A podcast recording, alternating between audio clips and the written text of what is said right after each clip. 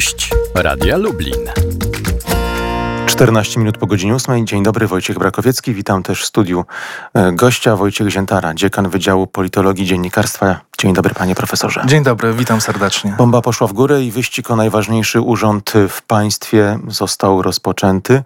W środę w Lubartowie swój udział potwierdził urzędujący prezydent Andrzej Duda, a w pierwszej turze e, zmierzy się z Małgorzatą Kidawą-Błońską, Władysławem Kośniakiem-Kamyszem, Robertem Biedroniem, Szymonem Hołownią i Krzysztofem Bosakiem. Ja mówię w pierwszej turze. Będą dwie tury? W tym momencie y, uważam, że istnieje duże prawdopodobieństwo, y, że nie będzie dwóch tur, a prezydent Andrzej Duda ma wszelkie szanse, e, ma potencjał ku temu, żeby e, zwyciężyć e, w pierwszej turze.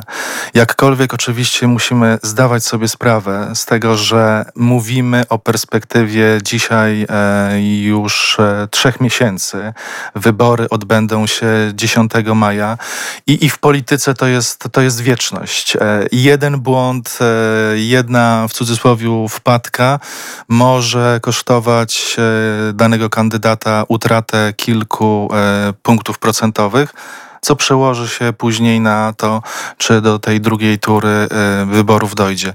Dziękuję za to wyjaśnienie, panie profesorze, bo chciałem dopytywać, no bo tak sobie pomyślałem, że to lata świetlne te, te trzy miesiące w polityce i tak y, chyba jest, ale panie profesorze, to będzie taki trochę kolokwializm, ale łaska wyborców na pstrym koniu jeździ i ostatnie wybory prezydenckie pokazują i udowodniły, że wszystko, absolutnie wszystko może się zdarzyć. Absolutnie, absolutnie i musimy zdawać sobie z tego sprawę. Trzy miesiące to jest jest bardzo długi okres. E, tak jak wspomniałem przed momentem, jeden błąd, a e, dokładnie przykład e, prezydenta Andrzeja Dudy e, sprzed pięciu lat pokazuje, e, że e, startując z bardzo niskiego poziomu poparcia społecznego, był w stanie wygrać poprzednie wybory prezydenckie.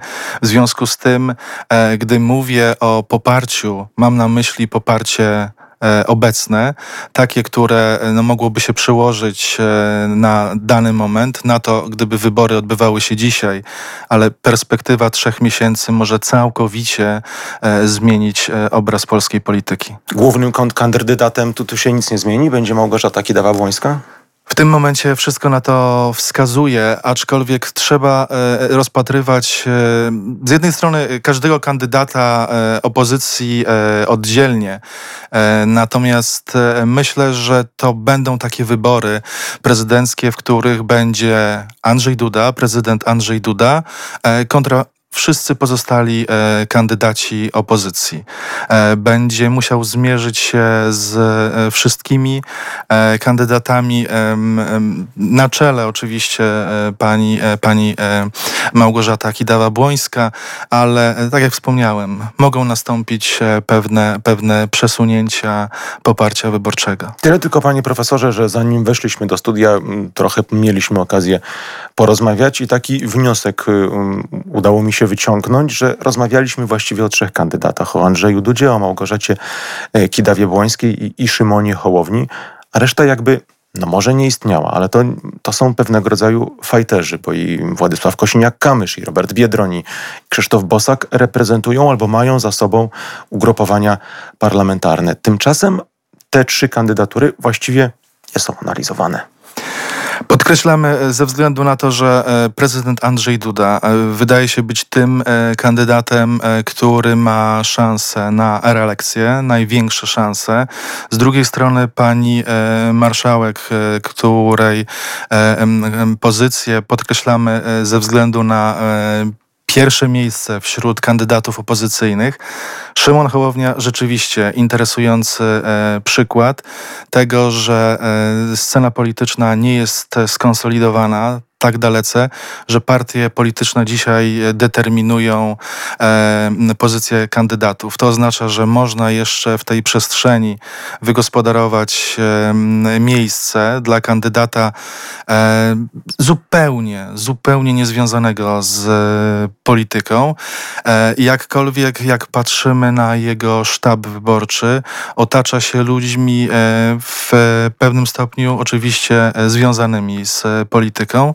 W związku z tym mm, postrzegam też, e, też kandydaturę Szymona Hołowni jako mm, kandydaturę, która jest obliczona na mm, odebranie części wyborców pytanie, prezydentowi. Pytanie komu? Prezydentowi Andrzejowi Dudzie. Myślę, że został tak obliczony na to, by, by pozycjonować się raczej jako kandydat centrowy i, i, i tutaj może dojść do e, starcia mm, właśnie o tych wyborców e, z panem prezydentem. Jakkolwiek ostatnie przekazy e, trochę zaburzają ten, ten obraz raczej takiego kandydata kreowanego dotychczas spokojnego, centrowego, koncyliacyjnego. Mówi I nagle pan o spocie wyborczym. Spot wyborczy, który e, zupełnie inaczej ustawia e, to, co, co, co, co wydawało nam się dotychczas o mm, Szymonie Hołowni. Panie profesorze, jednym z najbliższych, no, szefem sztabu Szymona Hołowni zostaje, zostaje zostaje mm, e, minister Cichocki, e, jeden z bliskich, o ile nie najbliższych współpracowników Donalda Tuska. To mhm. coś znaczy? To coś znaczy. To może być właśnie e, projekt e, obliczony nie tylko na e, aktualnie e, trwającą kampanię wyborczą, e, na wybory, e, ale na możliwość powrotu premiera Donalda Tuska w dłuższej perspektywie. Jeżeli projekt Szymon Hołownia uzyska poparcie przekraczające 20, 20 parę procent, a być może nawet otrze się o drugą turę wyborów, to będzie podstawa do tworzenia na bazie tych wyborców e, nowego podmiotu politycznego. Przykład mamy w przypadku Pawła Kukiza. Pawła Kukiza, e, dokładnie. E, właśnie, mamy takie, takie przykłady, czy wcześniej także Andrzej Olechowski, które dały początek i przełożyły się na stworzenie nowej, nowej partii politycznej. Zastanawiam się nad jeszcze jedną rzeczą, bo mówimy, panie profesorze, no w tym wypadku wypadku o, trzech kandydatach. Pomijając jednego, wydawałoby się bardzo istotnego z punktu widzenia liczebności potencjalnych, potencjalnej grupy wyborców. A myślę o Władysławie Kośniaku-Kamyszu, czyli pytanie o to znowu, na kogo zagłosuje polska wieś. Wyborca ogromny. Tak, e, elektorat, e, który może zdecydować o zwycięstwie albo porażce danego kandydata i w tym momencie wydaje mi się, że e, zarówno polityka rządu Zjednoczonej Prawicy, jak i także pięć lat prezydentury Andrzeja Dudy było ukierunkowane na, na mm, wiejskiego i, i skłaniam się raczej ku takiej tezie, że wieś zagłosuje na na, obecnego prezydenta Andrzeja Dudę. Wierzy pan profesor w to, że mm, tak jak y, są zapowiedzi kandydatów opozy opozycyjnych, że jeżeli dojdzie do e, drugiej tury, to będzie ta konsolidacja sił i głosowanie na jednego kandydata? Wydaje mi się, że właśnie kluczem jest e, pierwsza tura wyborów, e, ponieważ e, z jednej strony widzimy, że oczywiście partie muszą wystawić swoich kandydatów, żeby istnieć, żeby pokazać swój program. Z drugiej strony to jest ogromna szansa dla samego właśnie prezydenta Andrzeja Dudę na reelekcję. Dlatego, że rzeczywiście w drugiej turze wyborów może dojść do konsolidacji opozycyjnych e, polityków, partii, e, chociaż nie jestem przekonany co do tego, czy wyborcy, e, czy będzie to po prostu trochę na takiej zasadzie jeden do jednego, przerzucenie głosów. To nie kandydat będzie decydował o tym, a wyborcy. I tutaj widzę taką szansę, że gdyby rzeczywiście doszło do drugiej tury wyborów, to część elektoratu popierającego mm, Krzysztofa Bosaka czy Władysława Kosiniaka-Kamysza jednak zagłosuje za e, prezydentem Andrzejem Dudą. Zastanawiam się pewnie i, nie, i pewnie nie ja jeden, jaka to będzie kampania wyborcza, merytoryczna, czy bardziej ta przypominająca ring bokserski, to taki z wagi ciężkiej. Dokładnie. To, to będzie właśnie tak, jak pan redaktor wspomniał. Ta kampania, e, trzy miesiące czeka nas kampanii e, bardzo dynamicznej, by, by nie powiedzieć wręcz brutalnej, z wykorzystaniem jakiejś polityki dezinformacyjnej, fake newsów, oskarżaniem wzajemnym.